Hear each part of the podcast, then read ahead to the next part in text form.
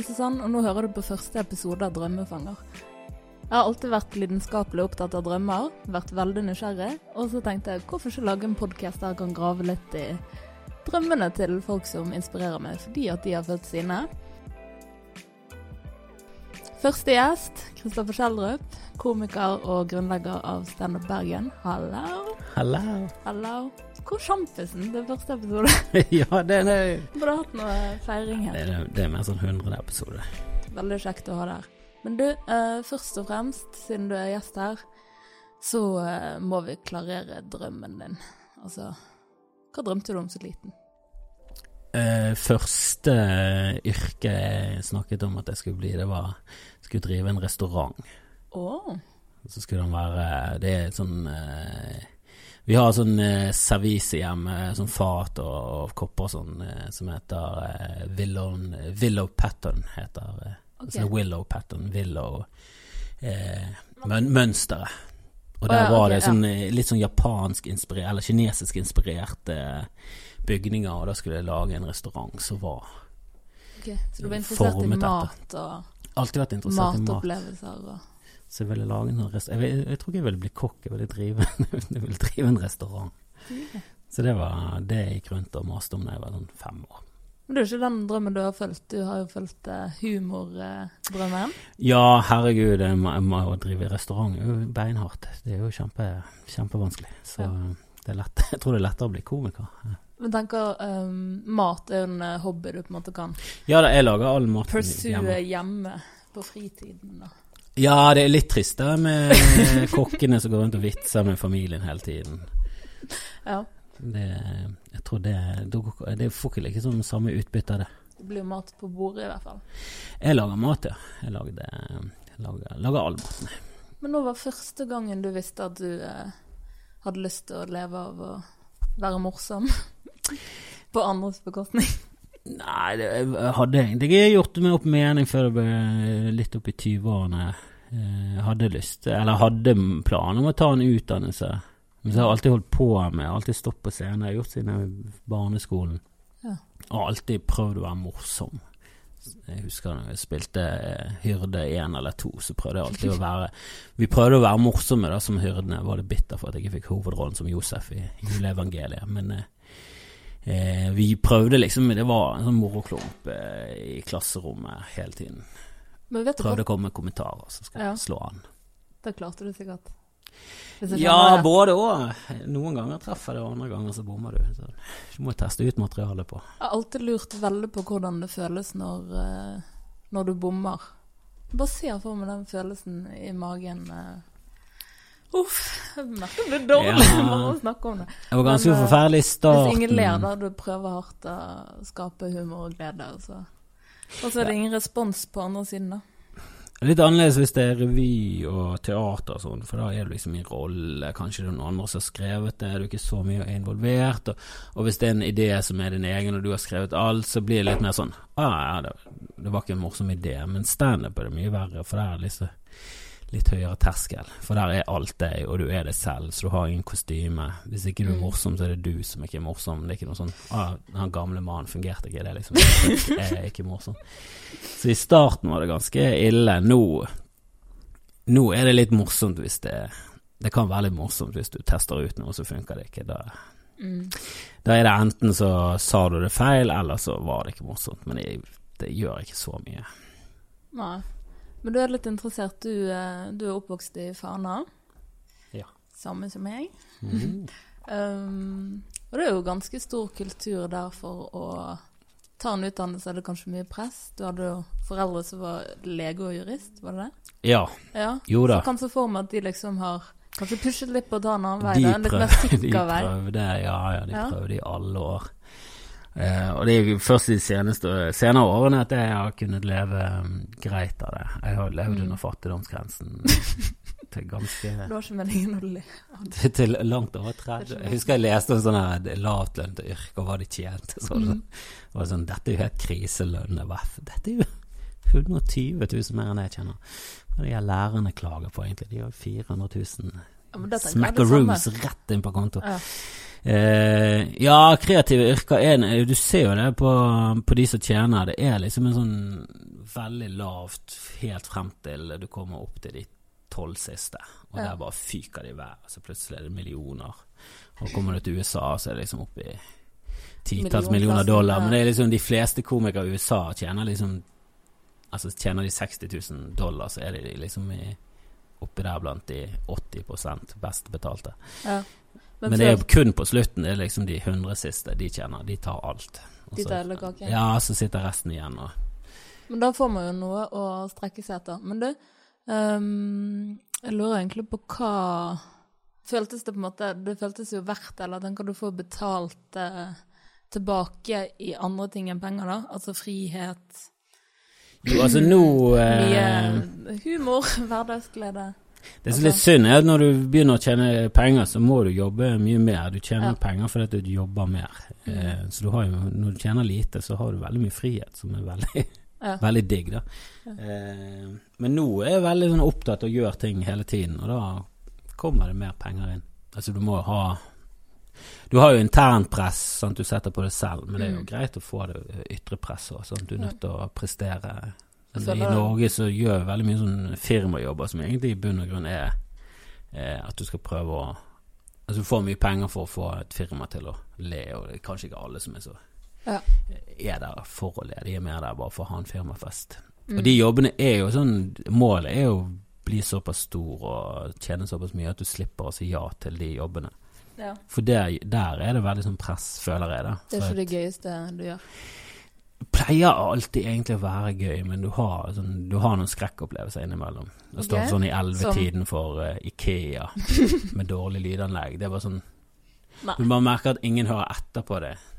Mm. Det er nesten det verste, for det, altså, det er det, motsatte av, kjærlighet, ikke hat, det er likegyldighet. Like, li, folk er likegyldige til Ja. det du holder på, du står jo egentlig og Det er ikke sånn at du tømmer sjelen din, men det er jo noe Ja. du har jobbet Det er jo noe du har tro på. Du har, er jo liksom Det er jo dette jeg brenner for. Mm. Så er det veldig sånn provoserende når de bare sånn nei, total, gir totalt eh, faen i hva du egentlig holder på med. Det er Altså, de ikke bryr god seg ikke i det det hele- tatt. Men alle opplever det. Jeg snakker med Dagfinn Lyngbø, og når han forteller om firmajobber Mm. som har gått til helvete, til og med etter at han ble en av de største, så, så er det litt sånn deilig å høre at å, du òg.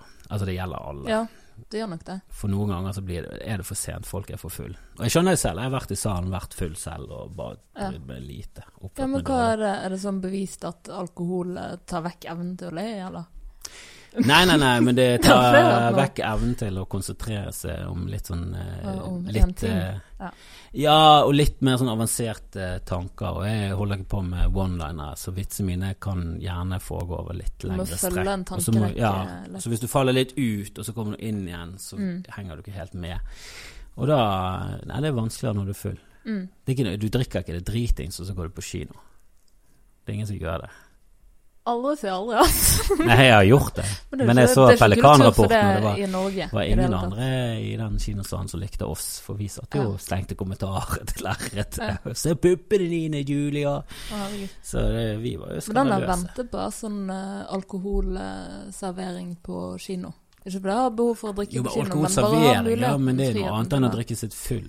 Ja, Altså, du kan drikke det full, og så gå på konsert. det er opp til hver enkelt, og gå og se på musikk en enkel, Mm. veldig enkel opplevelse der du slipper å konsentrere deg om eh, sammen. Det er ingen sånn Hva var det egentlig som skjedde i første verset? Jeg henger ikke helt med på refrenget. Det er ingen som sier det. Det er musikk, det er gøy. Det, Ja. det er, du hører bassen, og du føler det. Ja. Komikk Jeg er tror litt kanskje det det handler om å føle det, faktisk. Ja, komikk er litt mer avansert eh, når det kommer til det å, å gripe fatt i publikum. For det skal helst være helt stille i salen, Mm. eh, og alt fokuset skal være på deg konstant hele tiden. Ja. Eh, 110 Så det er liksom den minste forstyrrelse Hvis det, hvis det er en som mister et glass i bakken i løpet Mm. av oppbyggingen til en punchline, så er egentlig hele vitsen Dang. skadeskutt. Eh, og hvis du snubler i et ord rett før en punchline, så kan du ligge og bare la være å si punchline. For det er ingen som ler. Den får ekstremt liten virkning. Så det er veldig sånn delikat. Veldig sånn med det følsomt. Så det, alt må Det skal ikke så mye til for alt legger til rette, men eh, det skal ingenting til før, før du ødelegger og bryter hele den illusjonen. Mm. Da er vi litt tilbake igjen til barndommen din. eh, Og bare se, nøste opp i noen tråder, liksom. Hva, hva i barndommen eh, tilsier at du holder på med det du holder på med nå? Var det noen tidlige tegn på at dette var veien du kom til å gå? Jeg vet ikke, jeg føler at det er veldig mange som står på scenen, eh, gjør et eller annet eh, som krever at eh, de skal få masse oppmerksomhet, at de har et eller annet hull i seg så de prøver å fylle opp. Jeg føler ikke helt at jeg har det. Jeg har Fikk du oppmerksomhet så liten? Ja, men jeg tror ikke jeg brydde meg så mye om det heller. Jeg var veldig sånn stille som barn og satt for meg selv og holdt på i min egen verden. Jeg var visst veldig snill som baby, jeg var ikke noe trøbbel. Jeg gjorde som, gjorde som jeg ble fortalt, og så bare prøvde jeg egentlig bare å, å ha mest mulig tid der jeg kunne leke og holde på for meg Ja. selv. Så jeg satt veldig mye inne i min egen verden og koste meg. Jeg satt veldig mye i peisen og Åh. rotet rundt i flammene. Jeg var veldig interessert i, i ovnen og sånn. Så Ja. det var litt sånn aske, askeladden som satt der sotet i trynet. Koste meg. Da hadde du kanskje foreldre som eh, jobbet mye og var mye vekke, da? Kan ha noe med det å gjøre? Ja, de var veldig mye vekke. Det var det. De Mm. Altså, de jobbet jo som oftest til sånn fem. Mm. Og, da, og det var ingen SFO da jeg var liten. Nei, så da var vi hjemme. Men vi hadde en mormor, og mormor og morfar bodde under oss Mm. når vi flyttet ut til Fana. Ja. Så vi hadde alltid noen voksne. Og vi hadde det egentlig veldig fint. Vi hadde masse venner og Mm. var veldig ofte hos oss til min mor og de kom hjem. Mm. Satt og så på TV, video, spilte data. Og kanskje hvis vi snur eh, mynten litt, at uh, fordi du har hatt det trygt og godt, at du på en måte har hatt selvtilliten til å holde på med det du holder på med, og til å uh, trosse litt de der normene i Fana om Ja, jeg tror i hvert fall jeg har hatt eh, Det har ikke vært noen sånn fare for at jeg skulle liksom sulte i hjel. Sånn som det du får får et sånn inntrykk av i noen land. Ja, men sånn I USA og sånn, så er jo det er seriøst masse komikere som De er komikere, men så sover de i bilen sin. De har ikke Ja. råd til noe. Nei. Og de dusjer liksom, eh, for de har et, eh, et membership i et eller annet sånn, en eller annen kjede som er i de fleste byer. Sånn mm. de, de går på treningsstudio kun for å dusje, ha et sted å dusje. altså det er sånn, er sånn forferdelig historie. Folk som bor på gaten til liksom tre år inn i karrieren sin, og da har de endelig råd til å kjøpe seg en bil så de kan sove i. Det er Ja. liksom er en helt annen virkelighet. eh, Og jeg har jo aldri hatt Jeg har alltid hatt tryggheten av at hvis alt går rett til helvete, så, så kommer det aldri til å gå Mm. skikkelig til helvete. Ja. Så jeg vet ikke om det har eh, gjort at jeg kan liksom bare gønne på, og det gjør ingenting om jeg tjener ekstremt lite for det. Ja, du hadde et sikkerhetsnett rundt det. på Ja, hvis liksom Hvis alt hadde liksom bare Hvis hele karrieren hadde tørket ut, så hadde jeg alltid Så hadde ikke du far. tørket ut. Nei, jeg hadde aldri ligget i en eller annen kjip bil og bare tørstet igjen. Det hadde alltid gått greit. Du, eh, du er kjent for å være ganske sånn kompromissløs og eh, kanskje kødde med ting som andre ville latt, ville latt være. Latt være å nevne, jeg vet ikke jeg. Men sånn som nazisme og sånne type ting. Litt tabu. Tabutema, det er sånn som du òg kunne Ja, men jeg føler Jeg, jeg føler jeg gikk litt inn for Blikket til produsenten der. Du vet følte jeg gikk litt inn for å provosere litt i starten. Jeg syntes norsk humor var så tamt. Ja. Det var liksom ingen som tørde å si noe som var drøyt i det hele tatt. Mm. Eh, men etter hvert som jeg holdt på, så er det egentlig bare Jeg prøver bare å få folk til å le. Så jeg sier bare ting som jeg syns er morsomt. Mm. Jeg, jeg syns eh, Jeg syns Hitler er en veldig sånn morsom karakter. eh, Som hvis du bare ser sånn kynisk på det, så er det Det er så galskap, og det er så tull. Han gikk rundt der med Charlie Chaplin-bart. Mm. Og Charlie Chaplin var liksom den største komiske ikonet på den tiden. Mm. Så det er veldig sånn det, Og det er jo litt sånn Trump, og han er jo også sånn helt totalt Han er en karikatur. Kanskje Jeg skjønner ikke at begynne, noen- kanskje begynner med han. Kan, kan ikke skjønne at noen i det hele tatt kan se på han og tenke sånn Faen, for en fin fyr, altså. Ja. Og det gjorde det med Hitler. Hitler òg, at de kan se på han og bare sånn Ja, jeg stemmer på han der. Gale fyr med Chaplin-bart. Jeg syns hele det Hvis du ser bort fra alt det grusomme, så er det veldig Mm. Så er det mye humor der, da. Ja, Som det er. Det er veldig mye humor i, i alt i hele verden. Og jo verre det blir, jo Ja. Jo mer viktig er det at du kan le av det. Mm. ikke at det er noe sånn at du er et dårlig menneske fordi du ler av Ja. Av, eh, av nazisme og sånn. Jeg syns du er dårlig menneske. Du sitter i- og ser Skinners liste, og så ler du sånn høyt hele tiden. Sånn, Mm. Storkoser deg. For en fortreffelig komedie. Da, Nei, oi, oi. da, er du, da er du ute og kjører. Men eh, at eh, du ser La Vita e Bella, som er en veldig sånn koselig, Mm. romantisk komedie, nærmest, som også handler om holocaust. Du kan jo sitte og le i den filmen samtidig som det er forferdelig. Ja. Så det er jo det er alltid noe som Folk sier at du ikke skal spøke om ditten og datten, så er det så, det er så bullshit. For folk som sier at du ikke skal spøke om voldtekt, de ler av eh, slippe såpen i, i dusjen i fengsel. Mm. Og det er voldtekt. Så det Jeg tror ikke folk Jeg har jo tenkt veldig mye på det, og jeg tror ikke folk tenker igjennom det er liksom, Hvis de blir krenket personlig, så er det sånn Det, det er off limits. Ja. Så bilulykke, det er helt off limits. Min datter døde faktisk i en bilulykke. Sånne ting. Da er det liksom bilulykker helt off limits. Men Mm. pedofili og incest, det, det har det vært. Ja. Det har aldri gått utover det, så det går greit. Men Mm. bilulykker, der setter jeg grensen. Mens andre setter grensen med incest og pedofili. Men folk er jo touchy på ting som er personlig. Ofte. Og det jo det- Jo, jo, men hvis det går hvis, Hvis, hvis Ja. en komiker som står på scenen og så gjør han spesifikt eh, narr av din datter og bilulykken hun døde i, Mm. og får en tåpelig Hvorfor satt hun ikke med sant, Det var jo din skyld. Du burde kanskje lært datteren din å sitte med bilbelte på. Mm. Dårlig mamma. Det er, jo, det er jo ikke det vitsen er. No. Vitsen er jo noe helt annet som ikke har noe med din virkelighet å gjøre. Og så bare fordi at det toucher innom noe du har opplevd, så skal det være off limits. Eh, Du skal spøke om alt. Eneste som eh, teller, er om vitsen er bra. Og det er spørre veldig ja. high stakes når du spøker om noe som er veldig drøyt og veldig hardt og veldig svart. For, for treffer du ikke, så det Så dreper du stemningen i et rom. Mm. Og da kan du drepe resten av showet med at du spøker om det. Så du skal vite at denne vitsen er såpass bra at jeg tror folk kommer til å like meg etter at jeg har fortalt vitsen nå. Mm. I hvert fall etter jeg sier dette. Så det må du kanskje kjempe litt i motbakke en liten stund, men så får du en bra payoff. Ja. Men nå må jeg bare spørre, det du fortalte her, snakket du om deg sjøl eller om noen andre, eller hva?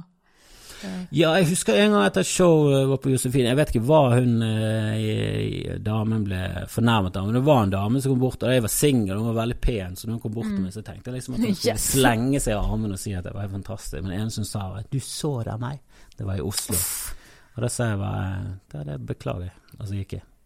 mm. Men etterpå så ble jeg litt sånn her Hva er du for en narsissistisk fjott av en person? Jeg står på scenen og jeg spøker om alt mulig, så er det kanskje en eller annen ting som har truffet henne personlig, og da er det helt sånn Dette her er helt motbydelig. At han kan si noe sånt om kortvokste.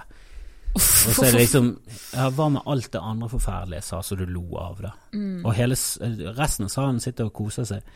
Så at du tror at hele verden skal Dreie seg rundt deg, det er jo helt tåpelig. Men det er mange som føler det sånn. Overraskende. Ja, det er veldig mange, og de er helt ikke. tåpelige mennesker. Da er kanskje ikke Da er jo tydeligvis ikke min humor for de, da. Det er jo ikke noe verre. Det var jo mange andre som sto på det showet, så det er jo bare til å gå ut. Ja. Det er jo bare sånn, Hvis du ser en komiker komme på scenen, det gjør jo jeg personlig. Mm. Hvis jeg ser en komiker som er sånn, og etter to minutter så har jeg ikke ledd, og det bare sånn, jeg begynner å irritere meg over hvor dårlig det er, Mm. så går jeg bare ut. Det er jo en grunn til at jeg som ofte står bakerst og ser på. Jeg går jo bare ut av rommet. Å gud, står du nær, nær, liksom utgangen for å Ja, alle bailer, komikerne står alltid bak. Ja, okay. eh, som er med på showet, men også de som bare er innom for å se. Vi står alltid bak. For å ha kort vei ut. ja, og hvis det er liksom en komiker jeg ikke liker som er sist før pause, så er det sånn Å ja, skal vi gå ut og røyke nå? Så går de ut. For det er da Ta vel imot! Fa, fa, fa! Så sånn, ok, det gidder ikke jeg å si en gang til. Og det kan jo være komikere du liker men du vet at de skal bare snakke om det samme gamle. Mm. Så du har hørt vitsene før. Det er ingen vits i. Men hvordan går du fram for å skrive disse showene dine, og hvilke temaer du på en måte går for, og hvordan er prosessen? Kan du beskrive? Nei, jeg har jo bare satt opp ett skikkelig show, da. Mm. Eh, Så da var jo å sitte sammen med Med regissør og produsent, og så prøvde vi å finne en tittel. Mm. Jeg ville egentlig bare at det skulle hete Hat, men jeg fikk jeg høre at det var litt eh, var Litt dårlig. harsh. Ja. Ja, det var en dårlig tittel. Jeg selger ikke. Mm. Jeg tror det er litt bullshit. Jeg syns det er en bra tittel. Må litt kjærlighet inn i Ja, så det ble tro, hat og ærlighet, da, eh, som er tittelen. For det, det oppsummerer litt eh, hva jeg liker å snakke om. Og, Mm. og det passer liksom inn, og det er, en sånn, det er en rød tråd, men samtidig så kan det gå veldig hvor du vil, egentlig. mm. Eh, men så var det å finne vitser som liksom passet inn, og så måtte det ikke være Vi har jo med et par vitser som jeg har holdt på med kanskje som vi begynte på for et år før premieren. Mm. Så jeg har liksom sagt de på scenen. Men jeg føler det er ganske nytt materiale, og det har aldri vært i et sånn juleshow eller noe annet som jeg har vært med på. Ja. Eh, og så har det for eksempel det har en vits om om hvordan vi kom frem til navnet på min sønn, og det syns jeg den Ja. er veldig Det er der jeg er i livet. Så jeg hadde lyst til å ha den med, og så snakket jeg litt om min sønn, og så var det naturlig å snakke litt om Fana, i hvert fall når jeg er i Bergen, og så var det liksom Oppvekst. min oppvekst, og så litt historier, og så kom du inn på litt sånne dagsaktuelle ting som metoo og sånn, som var veldig hot når vi hadde premiere. Det er jo fortsatt hot. Det er jo det, det er dessverre, men det kommer det sikkert alltid til å være. Ja. Det eneste det kommer an på, er om Du feiler hvis folk ikke ler. Og så er det synd hvis det er noen som går ut av salen og griner fordi at du tråkket på, Tråkket på på noe som nettopp har skjedd, men eh, Jeg har opplevd forferdelige ting, og så har jeg hørt komikere snakke om det samme på scenen. Ricky Gervais hadde en, hadde en vits i sitt siste show der det var noen som hadde mistet eh, babyen sin, som gikk på show, og de var sånn det var nesten sånn de skulle saksøke han. Det var helt forferdelig at han kunne snakke om det. Og så det showet jeg har faktisk Da hadde vi nettopp mistet babyen vår. Og da Det var sånn ja, men det, har jo, det er jo bare en fiktiv Han snakker om en fiktiv baby. Det er en, det er en vits. Ja. Ikke sånn at jeg ler så veldig mye, men har det, han sier jo ikke det for å være stygg mot meg. Han sier det bare fordi det er en morsom vits. Han bygger opp en fiktiv situasjon, og så er det en punchline der. Bare Og hvis det er sånn Hvis du nettopp har gjennomgått noe helt sånn forferdelig traumatisk, så se an hvilken komiker du går på. da. Gå og se Dagfinn Lyngbø. Ja. Og, altså, det er så mange komikere. Gå og se Marit Voldsæter, eller Altså Det er mange komikere du kan se på. Sant? Hvis du har opplevd noe helt forferdelig, kanskje ikke gå og se Dag Sørås sitt nyeste show. Han, Ja. han kan eh, begynne å snakke om ting som kan være litt sånn inne i mørket og svarte ting. Men jeg syns jo alle vitsene hans er på den rette siden. Og han, han fremstår ikke som noe uempatisk eh, drittsekk. Han er en han er en empatisk fyr, sånn som jeg kjenner han. Og, men han liker å snakke om ting som kanskje er litt eh, tabu. Nå nevnte du på en måte elefanten i rommet, da, tenker jeg. Um, men jeg har jo lurt litt på hvordan det på en måte å skulle være morsom etter noe sånt på en måte skjer, eller føltes det vanskelig å gå på jobb etter noe sånt? Ja, det det som var litt uh, vanskelig der, var at jeg hadde litt materiale om, for jeg, vi mistet jo en baby veldig sent, da, rett før fødsel. Og så hadde jeg liksom vitser om graviditet og fødsel og mm, et eller annet om at menn kunne føde, og så kåke, og så var det en del materiale der som jeg følte jeg ikke kunne si meg, da. Eh, men så var det en ganske stor chunk av showet, så var det liksom ti minutter der som jeg var litt sånn her, Åh, hvordan skal jeg si dette nå? Nå blir det helt feil. Så, så det var et par ganger jeg sto på scenen og bare sånn Åh, nå burde jeg egentlig bare holdt kjeft nå, liksom. Men det er litt sånn, har du sagt, ah, du kan ikke bare stoppe midt i en setning og bare sånn, ah, sorry, jeg kan ikke si mer nå, for det Så jeg måtte liksom fullføre et par vitser av og til, så var det sånn, ah, Jesus, nå fikk jeg sånn dårlig følelse. Og det, det ødelegger litt uh, humor, for det handler jo veldig om å være til stede og, og levere, og punchlines og timing, alt det der er viktig. Og folk har jo betalt mye, og det er jo jobben min, og jeg klarer å koble av. Og det er litt deilig òg, for det, ja, det er det jeg gjør. Så det er jo mange som opplever noe traumatisk, og så er det liksom sånn ah, deilig å komme på jobben. Mm. For eksempel de kjører, kjører bil, så kan de kjøre, og høre på radio, så kan de være litt Ja. Kan liksom slippe litt fri. Ja, være er sånn de må i banken, og så må de holde på med tall, og så er det litt sånn deilig å bare fokusere på det, og så kan de heller Ja. eh, dvele med det tragiske etterpå. Mm. Og det gjelder var for jo min på del men jeg tenker mer når jobben på en måte er å skulle underholde og være morsom når du kanskje ikke har det så morsom sjøl, om det kanskje er vanskelig. Ja, det føler faktisk går greit, for du, går litt inn i en rolle, selv om du er det selv, så går du inn i en rolle. Du går inn i rollen som standup-komiker. Da må du liksom Du må kjøre litt på. Eh, Vi pleier å si at standup-komiker er liksom ikke bare det selv, du er 110 det selv, du er enda mer. En ekstrem versjon. Ja, for jeg føler i virkeligheten så, så er du aldri det selv. Du sensurerer ekstremt mange ting du tenker. Du gjør veldig få ting av de impulsene. Det er veldig mye impulser som dukker opp i hodet som er bare sånn Selvfølgelig skal ikke jeg skubbe hunden ut foran, foran trikken nå, men det er, inni hjernen så er det sånn Skubb hunden ut i trikken. Det er sånn horribelt. Ta denne isen og kast den i trynet på henne så, så ler du litt for deg selv. Og så bare sånn Hjernen er en rar fyr. Du gjør jo veldig sjelden Ja. de impulsene, og veldig mye av de tingene som går gjennom hjernen. Nå har jo vi en liten sønn, og det, det var sånn hver gang jeg gikk ned trappen med han, så hjernen min kom jo med sånne tvangstanker hele tiden.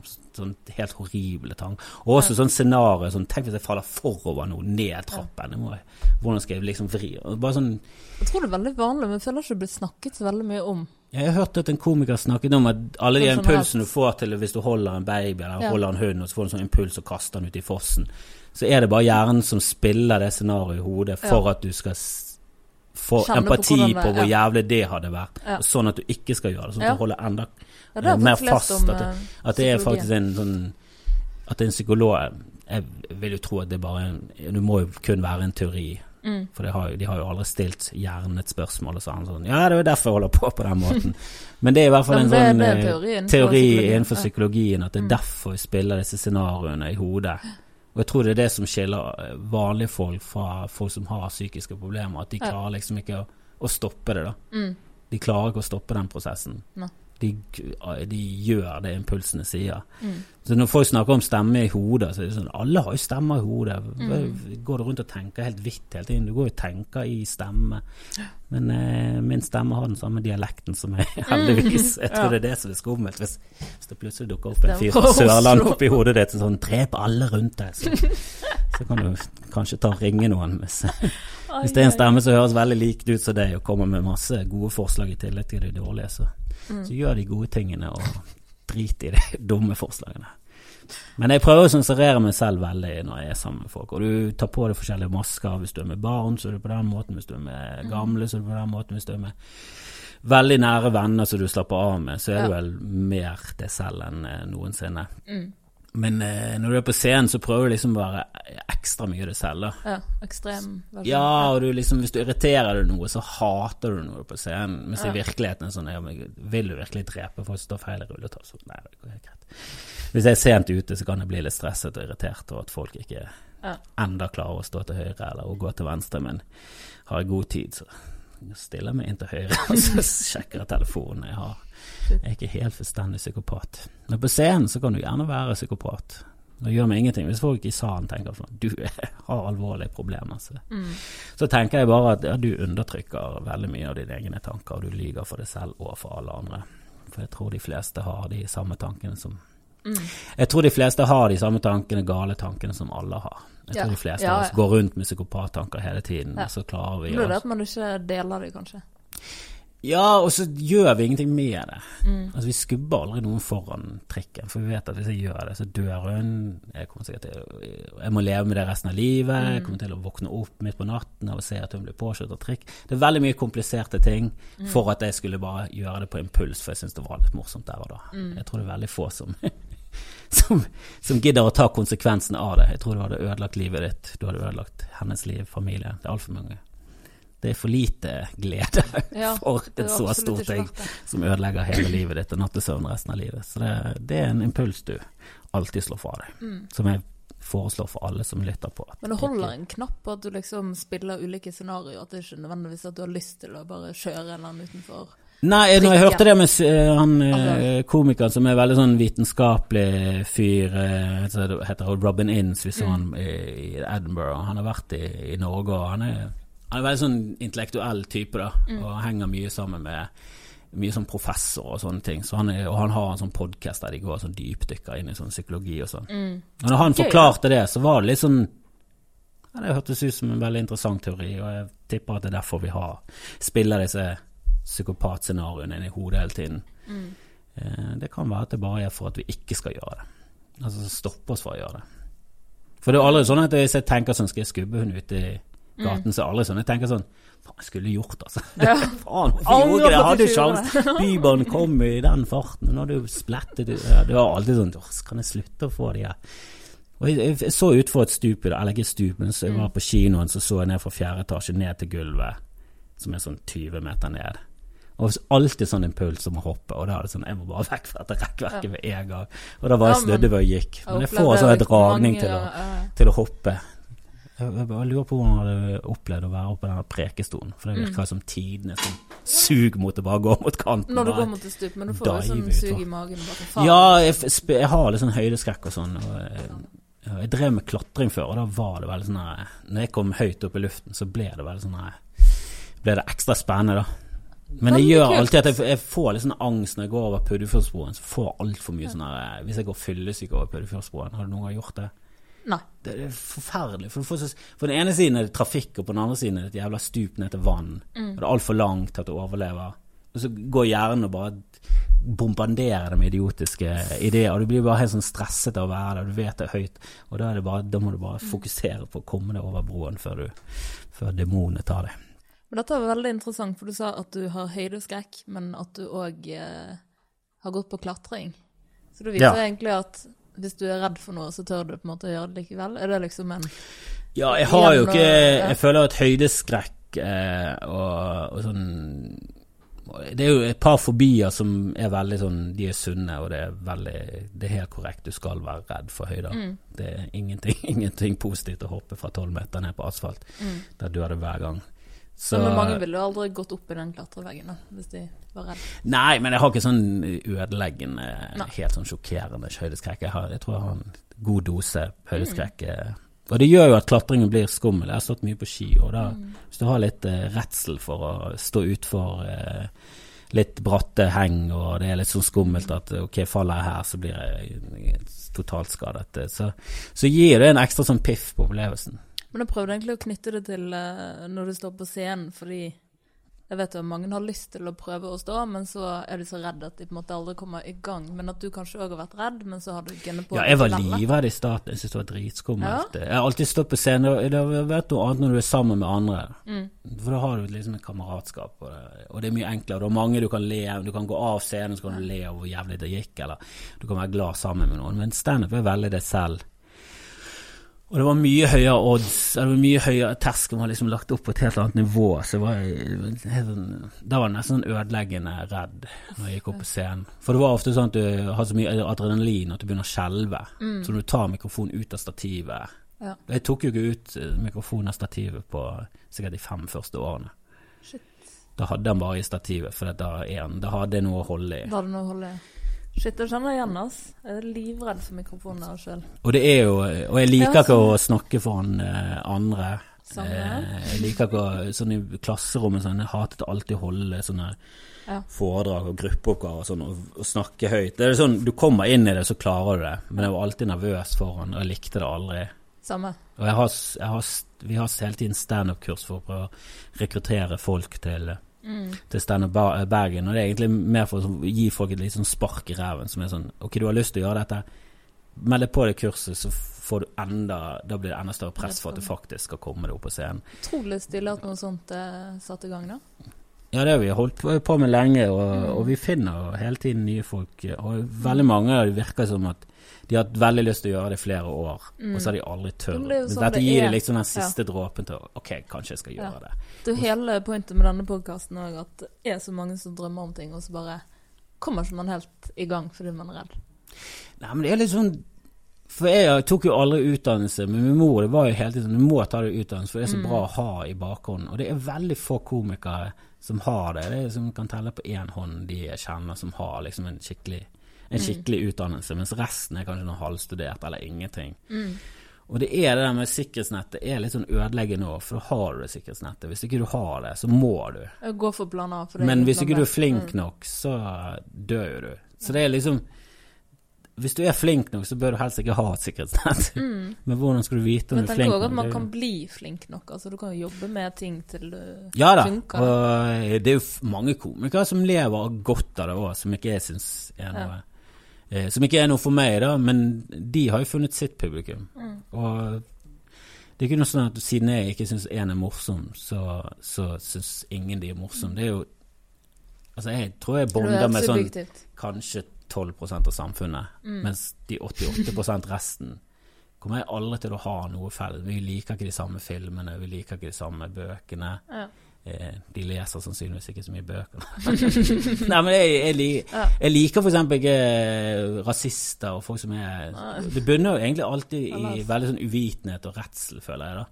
Ja. Når du sitter liksom nord på Askøy og livredde livredd sharialover på Grønland i Oslo, så er det sånn Ja, men det har jo ingenting med ditt liv å gjøre. Jeg skjønner ikke hva Tror du at de skal ta over Askøy? Det er ingen som gidder å bo på Hvis du er fra Syria, så er ikke Askøy et sånt paradis du har lyst til å innta. Det var sånn latterlige eh, teorier de laga oppi hodet sitt. Og, og sånne folk Jeg husker jeg gjorde en jobb for sånne oljearbeidere, og den ene jobben Det var, det var to helger jeg skulle gjøre det. Og den ene jobben gikk så sinnssykt på trynet. For de hadde begynt å drikke klokken tolv samme dag på Flesland. Så de fleste bodde ikke i Bergen. Dette var i Rosen, så hadde de sittet på ferge. Så de hadde drukket hele dagen, og- jeg gikk på scenen sånn halv elleve. De var dritings. Det var en fyr som satt på første rad med en halv flaske vin som han mistet i bakken mens showet for- foregikk. Og så fikk han konjakk og mer vin, og han fikk det, for vi var i Rosendal, så det er ingen skjenkekontroll. Ja. Og da var det en som eh, sto og vitset om eh, noe kristendom og Jesus, og da var det sånn Ja, du er ikke noe, du har ikke noe om muslimer, da? Og så sa jeg jo, jeg kan snakke litt om muslimer, så tok jeg en vits om eh, ISIS. Men da var det sånn Nei, nei, det var, det var ikke morsomt. Nei, nei, det var jo om terrorister. Han ville jo ha at jeg skulle rakke ned på, Mm. på muslimer, da. Som er sånn Ja, men jeg har ikke kunnskap nok. Jeg kjenner, kjenner et par muslimer, men de, Mm. ingen av de er noen sånn skikkelige muslimer. Det er ingen av de som faster, det er ingen av de som er hardcore.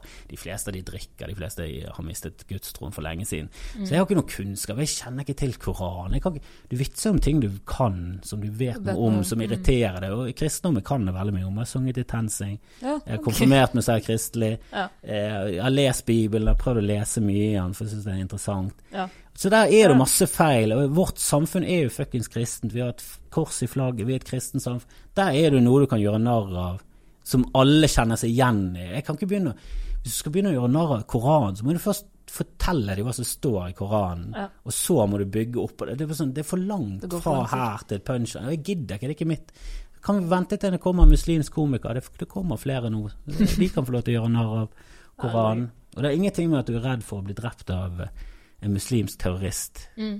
For det er veldig urealistisk at skal Det skje. er veldig urealistisk. Så det er ikke ja. det. Det er bare jeg har, ingen, jeg har ikke nok kunnskap om det. Jeg kan gjøre litt sånn overfladisk eh, narr av hijab og burka og ISIS. ISIS er veldig lett å gjøre narr av, for de får du litt sånn nyhetssaker om. Og de Mm. kan jo komme med uttalelser som bare henger ikke på greip, og så bygger du vitser på det. Kan. De kan. Ja, for de er jo sånn ja, men Alle som drar det for langt. Og det er det som irriterer med rasister. Dere drar jo all, dere drar det norske samfunnet for langt. Ja. Det er ikke sånn vi nordmenn er i det hele tatt. De fleste nordmenn er tolerante og bryr seg om hva Ja, men andre det om du opplever at det er mye rasisme Nei, men jeg har noen vitser. Jeg hadde eksempel en vits eh, som gikk på mora di, og så i den vitsen så sier jeg at eh, Så jeg ropte det tilbake, så ble dritsur. Mm. Eh, ja, det kan jo også ha med at jeg kalte de pakkis, for det må du aldri si til en pakistaner. ikke. de er kjempeirritert hvis du Ja, får men jeg syns ikke det er noe fint å si. Altså. Nei, men vitsen min er jo at for, jeg, for de er jævlig var for forkortninger. De hater forkortninger. Det er Norges Statsbane, det er ikke NSB, respekt. Så det er liksom vitsen. At det er derfor de ikke liker å bli kalt pak- pakkis. Det er fordi at de hater forkortninger. Som er en sånn absurd, teit greie. Eh, men hvis folk jubler på pakkis før jeg liksom kom Det skal liksom være en sånn Det har ikke du lov til å si. Og så skal vitsen komme, og så sånn Å, er du bare tullet? Eh, men hvis folk jubler, det er noen som jubler på pakkis, da, som er sånn Nei, nei, nei. Jeg syns Det er forferdelig. Jeg synes det er forferdelig. Du skal ikke kalle folk det i det hele tatt. Selvfølgelig skal du ikke det. Men her kommer vitsen.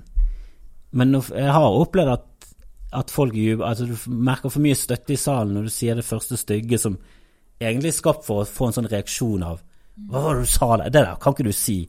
Og så skal du forløse det med å si Latter er Eh. egentlig veldig avslørende. Det har jeg ikke tenkt på. Ja, men, eh, så det, når, du- noen publikummere, når de ler for mye av det, så er det sånn Å, fuck det her. Det er du det, er. Ah. dette. Skulle ikke få noe støtte for at rasisme var kult. Mm. Jeg skal få Dere skal vende dere mot dere her og så. Det er liksom det som er design i vitsen. At, det- at jeg kan liksom gå gjennom det vonde øyeblikket det får med at det sitter mange og sånn Det er det ikke lov til å si.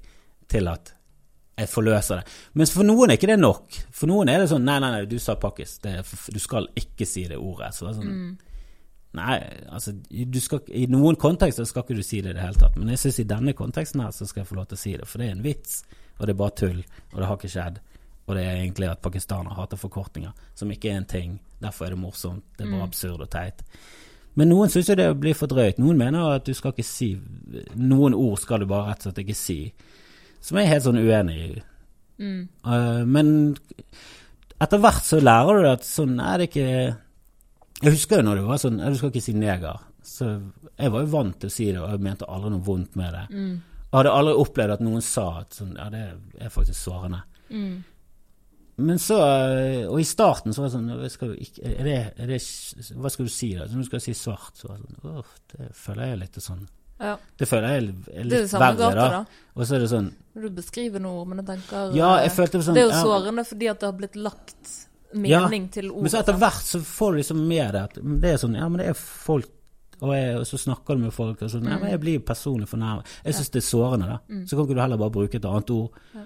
Og så var det sånn Jo, hvorfor kan ikke vi bare bruke et annet ord? Det er jo ingen vits. Jeg har jo ingen glede av å bruke det ordet. Jeg har ingen, jeg har ingen bruk for det ordet, egentlig. Jeg kan like godt bare si det som eh, Det som mange mener er veldig nøytralt, da.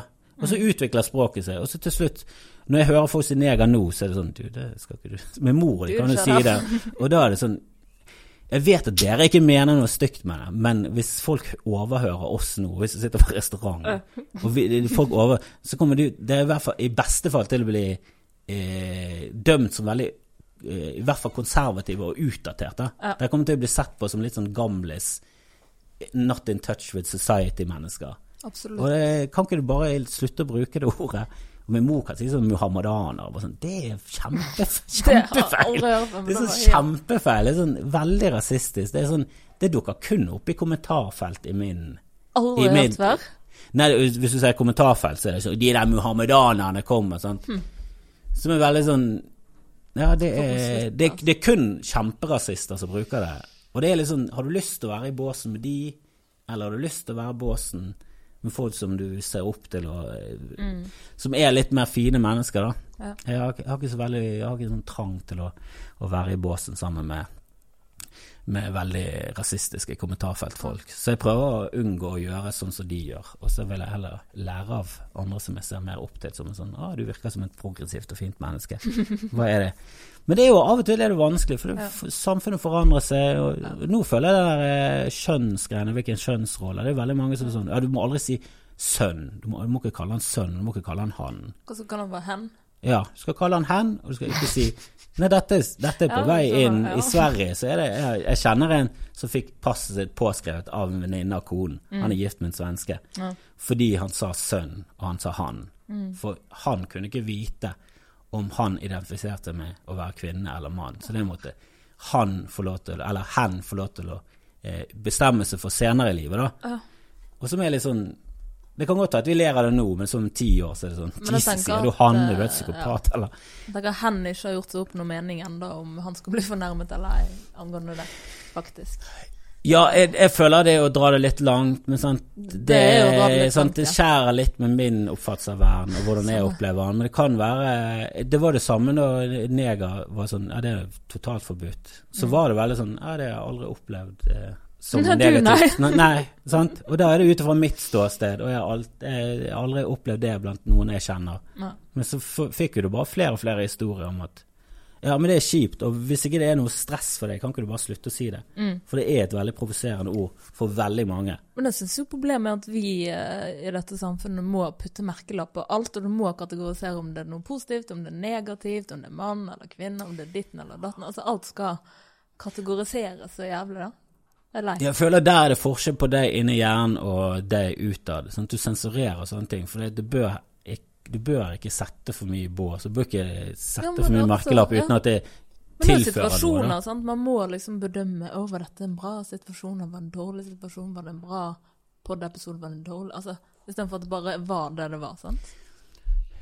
Ja, men det er veldig vanskelig. Sant? Det er sånn jeg eh, har vokst opp. Det er sånn jeg opplever samfunnet. Der er det veldig mye båsetting. Det. Ja. Du leser Jeg prøver å la kritikker. det Ja, men det er jo kanskje mer uh, sympatisk og finere måte å leve på, da.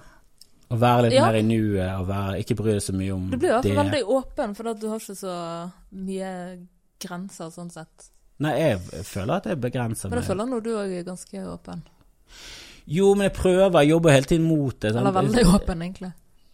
Ja, men jeg vil gjerne gjøre det som er fint overfor andre. Jeg har ikke noe behov for å såre folk. Hvis folk blir såret av vitser jeg forteller, så, så føler jeg mer at Slutt å være så jævlig navlebeskuende og narsissistisk. Mm. Disse vitsene er ikke skrevet om deg, din familie, din tilværelse. Dette er vitser som er laget i mitt eget hode, som jeg syns er morsomme. Og hvis Mm. ikke de er morsomme, så hadde jeg ikke sagt det. Og jeg har sagt mange av de mange ganger. Det er ingen som har problemer med det utenom deg. Så da er det kanskje noe med ditt liv og deg enn med meg, da. Da Ja. må du gå til psykolog og så snakke om det. Han eller henne. Diskutere Eller hen.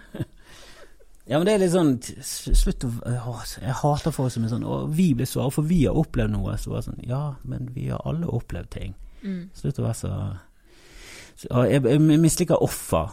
For det er så mange som tar på seg den offerkappen som er sånn Mm. Er klart det Veldig folk i verden som har det skikkelig ille, og så skal du ta på denne offerkappen. Mm. Og det gjør jo rasistene gjør jo det nå. Ja. De tar på seg denne offergreien hele tiden. Som er bare sånn Er det du som er offer nå? Er det du og Anders Behring Breivik som er de det er synd på? Som står som sånn helter som kjemper mot det gode? Det, helt, det har jo mistet helt bakkekontakt med resten av samfunnet. For de snakker om hele tiden og norske folk vil ikke tolerere det. Så Det er 12 av dere, kanskje. I verste, verste fall. Men det er egentlig bare to pro- promille av de igjen som er sånn totalpsykopater. Mens det er den andre som er redde. Du, redselen får jo frem det verste i oss, men faen. Ja. Når de påberoper seg hele det norske, og Frp er de eneste som skikkelig tør å snakke det norske folk, så bare sånn, de, har vært, de var helt psykopatisk høyt oppe en gang, da var det 30% som, stemte, som ville stemme på dem. De fikk ikke så mange stemmer. Og det var en flau periode i det norske samfunnet. Og veldig mange av de stemmene går jo også på at folk er lei av å betale bompenger og spritavgift og andre ting, da, som er mer sånn Jeg bryr meg ikke så mye om islam, men helvete, jeg har lyst på billigere sprit. Som er mer forståelig. Alle har lyst på det. Selvfølgelig har vi lyst på det. Du, er det noen som har eh, inspirert deg på veien? Føler du litt sånn mot, ser mot USA og jeg ble veldig Statene. inspirert. eh, Jeg syntes det var jækla inspirerende når vi var på Fana skoleteater. Når vi syntes det var gøy å stå på scenen og sånn, men det var ingen av oss som eh, egentlig hadde sånn Vi hadde kanskje drømmer om en gang stå på en scene, men det virket litt sånn urealistisk. Og, Mm. eh, men det var jækla gøy når Ylvis ble oppdaget, og så fikk de en sjanse. mm. Og så bare pff, Så ble de så sykt store med en gang. Og det var sånn Å, faen, det der er jo Kalle Hamra òg var den gjengen, eller? Ja, Kalle, Hellevang Larsen. Ikke? Ja, Kalle, jeg kjenner Kalle Hamra, men han er musiker. Men han er litt eldre enn meg, det er en annen, annen gjeng. Nå blandet jeg navnet her. Sorry. Men Kalle Hellevang, ja. Eh, Larsen Men det, eh, nå snakker ja, vi det om var, han blonde, sant? Han som eh, var med på oh. Ja, Raske menn. Raske menn. Sorry. Og nå, Sorry, nå er han, eh, nå er han eh, Ylvis-Kalle, har han blitt. Eh, men ja, det var jo samme gjengen. Eh, og da var det litt sånn eh, Vi fikk veldig sånn troen på at å ja, faen, kanskje, kanskje det vi holder på med også er morsomt nok til at uh, Og jeg hadde veldig troen på at Ylvis skulle slå an, for jeg var sånn Jeg syns jo de der er like morsomme som de som er kjent, og kanskje morsommere. Jeg syns jo de er mye morsommere enn Dizzie Tunes. Mm. Og de liksom turnerer rundt i hele Norge, og alle elsker de. Og disse er mye mer talentfulle og mye morsommere, mye flinkere. Mm. Hvorfor skal ikke de slå an? Men så, du går jo og håper, men når de liksom eksploderer og plutselig er på TV og turnerer rundt i, i Norge, og det, plutselig blir det liksom noen av de største, da, så var det veldig sånn ah, Da er jo det vi holder på med, morsomt, da. Og så kom eh, som eh, raske menn ut fra den samme gjengen, der Øyvind Rafto og Kalle var Mm. liksom fra den forandra skoleteater. Og da skjedde liksom det samme. Så det er sånn Helvete, det er jo bare til å sette opp et show, så får du en sekser. Ja. Det er jo ikke så, enkelt. Men kunne du tenkt enkelt. på den tiden at du skulle være der du er nå? nå? Ja, jeg, jeg var ikke da, jeg, Vi har holdt på med veldig mye sånn show og sånn. Jeg syns det er veldig stressende å holde på med show, for da må du forholde deg til veldig mange andre. Mm. Eh, mye øving, og så er det mye sånn dugnadsarbeid før du får en premie på slutten. Mm. Eh, og jeg var alltid den som var pådriver. Det er så kjipt å gå rundt og kjefte på. Kalle var jo notorisk sen, alltid. Mm. Men så er jo han sinnssykt morsom. Han kan jo bare gå på en scene og stå rett opp og ned, så begynner folk å le. Så han og Bård har jo det der ekstra X-faktor-greiene som ingen andre har, egentlig. Ja. For Bård er liksom Han er så morsom at han kan bare stå der så begynner han å le. Jeg husker jeg så der Stories from Norway. Og bare han har på seg en blond parykk og så ser ser mot kamera, og bare Mette-Marit, så knekker jeg sammen. For Mm. han har bare et eller annet Det er et eller annet med fjeset hans. Jeg Ja. tror det er et eller annet sånn Ja, det er jo det med mikk og uttrykk og sånn. Ja, men Han har et eller annet utseende der er sånn, han, er, han er nesten jækla kjekk, men han er det et eller annet feil som gjør at han blir Jeg liker å kalle det så mislykket kjekkas. Det er det morsomste jeg vet. Det er folk som er sånn «Åh, Han er så nærmt med å være sånn skikkelig, skikkelig Mm. pen, men så er det egentlig ikke så pen. Jeg kan skjønne at folk Har faktisk aldri tenkt Men da, jeg syns sånne folk blir liksom ekstra morsomme. Så Jim Carrey har det samme. Han er sånn han er nesten jækla kjekk, men han er det et eller annet Du ler Han mer er enn at veldig du morsom. Ja, men det er sånn, du, han får deg mer til å le Mm. enn at du syns han er jækla kjekk. Og Jeg syns det er sånn perfekt utseende. Kalle har det samme. Mm. Det er ikke sånn at han er stygg, men han er heller ikke pen. Han er bare, ser bare funny ut. Dette er sånn du tenker på. Ja, ja, de, de liksom har eh, Bård og Kalle, de jeg kjenner, er liksom Mm. jeg, jeg tror de er de eneste som For det har jeg alltid hørt om Leif Just. Han kunne bare gå ut på en scene, så begynte folk å le. Mm. Og det tenker jeg sånn Ja, det er jo litt primitivt. Kanskje han burde hatt en eh, tekst i, i bakhånda. Men eh, Jeg synes Dave Chappelle, da kan jeg le bare av å se ham. jo, Dave Chappelle er det samme. Han er kjekk, men han er ikke sånn kjempepen. Ja. Men han, han er funny. Ja. Men greit, det er jo unntak fra regelen. Eddie Murphy er jo kjekk og kanskje det morsomste noensinne. Ja. Han var, Og det er en, favoritten. han var 21 Ja, han var den første som inspirerte. Han var Ja. 21 år, og det er så absurd når du tenker tilbake igjen. Når du har begynte å bli gammel, så er det sånn 21, ingen som er så Han var 21 og reiste rundt i hele USA, og alle elsket Han slo igjennom da han var 19, liksom. Mm. Og det er så ungt at det er helt sånn absurd. Du skal ikke være så morsom og være så For du har ikke livserfaring. Du kan ikke treffe alle folk. Han står jo for en sal med voksne folk og bare dreper. Det er 10 000 mennesker som bare ruller på gulvet. All- Alle i min gjeng har jo sett Delirious and Raw. Og det, det, liksom, det går igjen i alle som er intervjuet. Og sånn, ja, nå var, liksom, var det første som så standup, og folk på min alder er sånn Nei, vi så Eddie Murphy, men da visste ikke vi hva det var. Det Nå var slapp jeg å stille spørsmålet. Jeg tenkte på det nå. Men det var liksom Eddie Murphy, og det var, og det var ikke, det var ikke standup med Eddie Murphy, det var bare hans show. Mm. Han var jo en stor skuespiller. Dritmorsom. Men de showene hans hadde alle sett, og alle elsket det. Og så gikk det liksom frem til Seinfeld. Mm. liksom sånn, eh, Som mer standup, da. For jeg har aldri sett Richard Pryor og Bill Cosby og hatt noe forhold til de Nei, ok. som alle de eh, i USA har, liksom. Det er jo store guder for For komikerne der borte. Men uh, for meg er det liksom Eddie Murphy, og så Seinfeld. Og så innimellom kom Dagfinn Lyngbø, som jeg så på Maxim. Ja. Det første showet hans, som var jævlig Han Å, gud, ja. Ja, det, han var jævlig morsom, men da var jo han ganske Da var han nettopp liksom begynt og solgte Det var en suksess og solgte sånn 7000 billetter. Mm. Men så var det når han satt Jeg tror det var en flyktning kryssa En flyktning Nei, en krysning flykter fra sin mor. Satte han opp. Som er en veldig bra tittel. Og det gikk bra, og så kom det der 'Du kødder'. Ja. Og da tror jeg han solgte sånn 100 000 billetter og reiste rundt i hele Norge. Da var det sånn Eksploderte han. Eh, men det, frem til da så var det liksom Standup var liksom hakket verre enn alt annet, så det var aldri innom tankene. Men det var rundt den tiden Raske menn begynte å bli, så var det sånn Nei, jeg har lyst til å Jeg har lyst til å gjøre ting alene. Mm. Jeg orker ikke mer. Jeg orker ikke mer øving og skriving med andre. Sitte og jobbe, jobbe, jobbe. Mm. Så da flyttet jeg til Stavanger, skulle egentlig studere fjernsyns- og multimedieproduksjon. Mm. Og så bare ble det mer og mer standup. Og så var det ingen standup-klubber, så jeg måtte bare sette opp egne show. Mm. Så Første gang jeg sto på scenen med standup, så, så, så meg selv, så var det sånn 55 til en time. Mm. Og det er galskap, for du skal bare gjøre fem minutter. Men det var ingen annen mulighet. Nei. Så det var det første jeg startet sånn. Det siste jeg lurer på, er hva er drømmen med Standup Bergen nå? Framover. Eh, målet er egentlig at jeg skal slippe å være med og drive det. Okay. Eh, at andre skal ta over. Ja. Det har vært litt digg. eh, Men det er, hardt å få folk inn, og jeg føler Mm. fortsatt at eh, jeg har noe å gi der, men det tar mye tid, og det er stress å drive standup-klubb. Skulle gjerne bare gjort mer eh, Jeg elsker å gjøre podcaster. Mm. vi har begynt med, med eh, Vi har en som heter Pappapanelet, der vi bare snakker om eh, hvordan det er å være far, og, og fjaser om det, og får en lytterspørsmål og svarer så, oh. som eksperter, selv om vi har null, null ekspertise kids, egentlig. Men vi har kids. Mm, og så har vi veldig tro på at eh, vi har de rette meningene. Mm. Eh, og så har vi en Brann-podkast, og så har jeg lyst til å begynne med en egen podkast. Ja. Så jeg har veldig lyst til å bare drive med podkaster, skrive ting, og så holde på med standup. Drømmen har jo alltid egentlig vært å lage film og vinne Oscar, men det Da tror jeg det ligger som den, eh, ligger litt frem i tiden. Ja. Eh, men eh, det, det hadde egentlig vært det, det perfekte. Eller kanskje TV-serie. Jeg syns mm. TV er så bra nå. Drit i film. Ok. Men du, da runder vi av. Tusen, tusen, tusen takk for at du kom.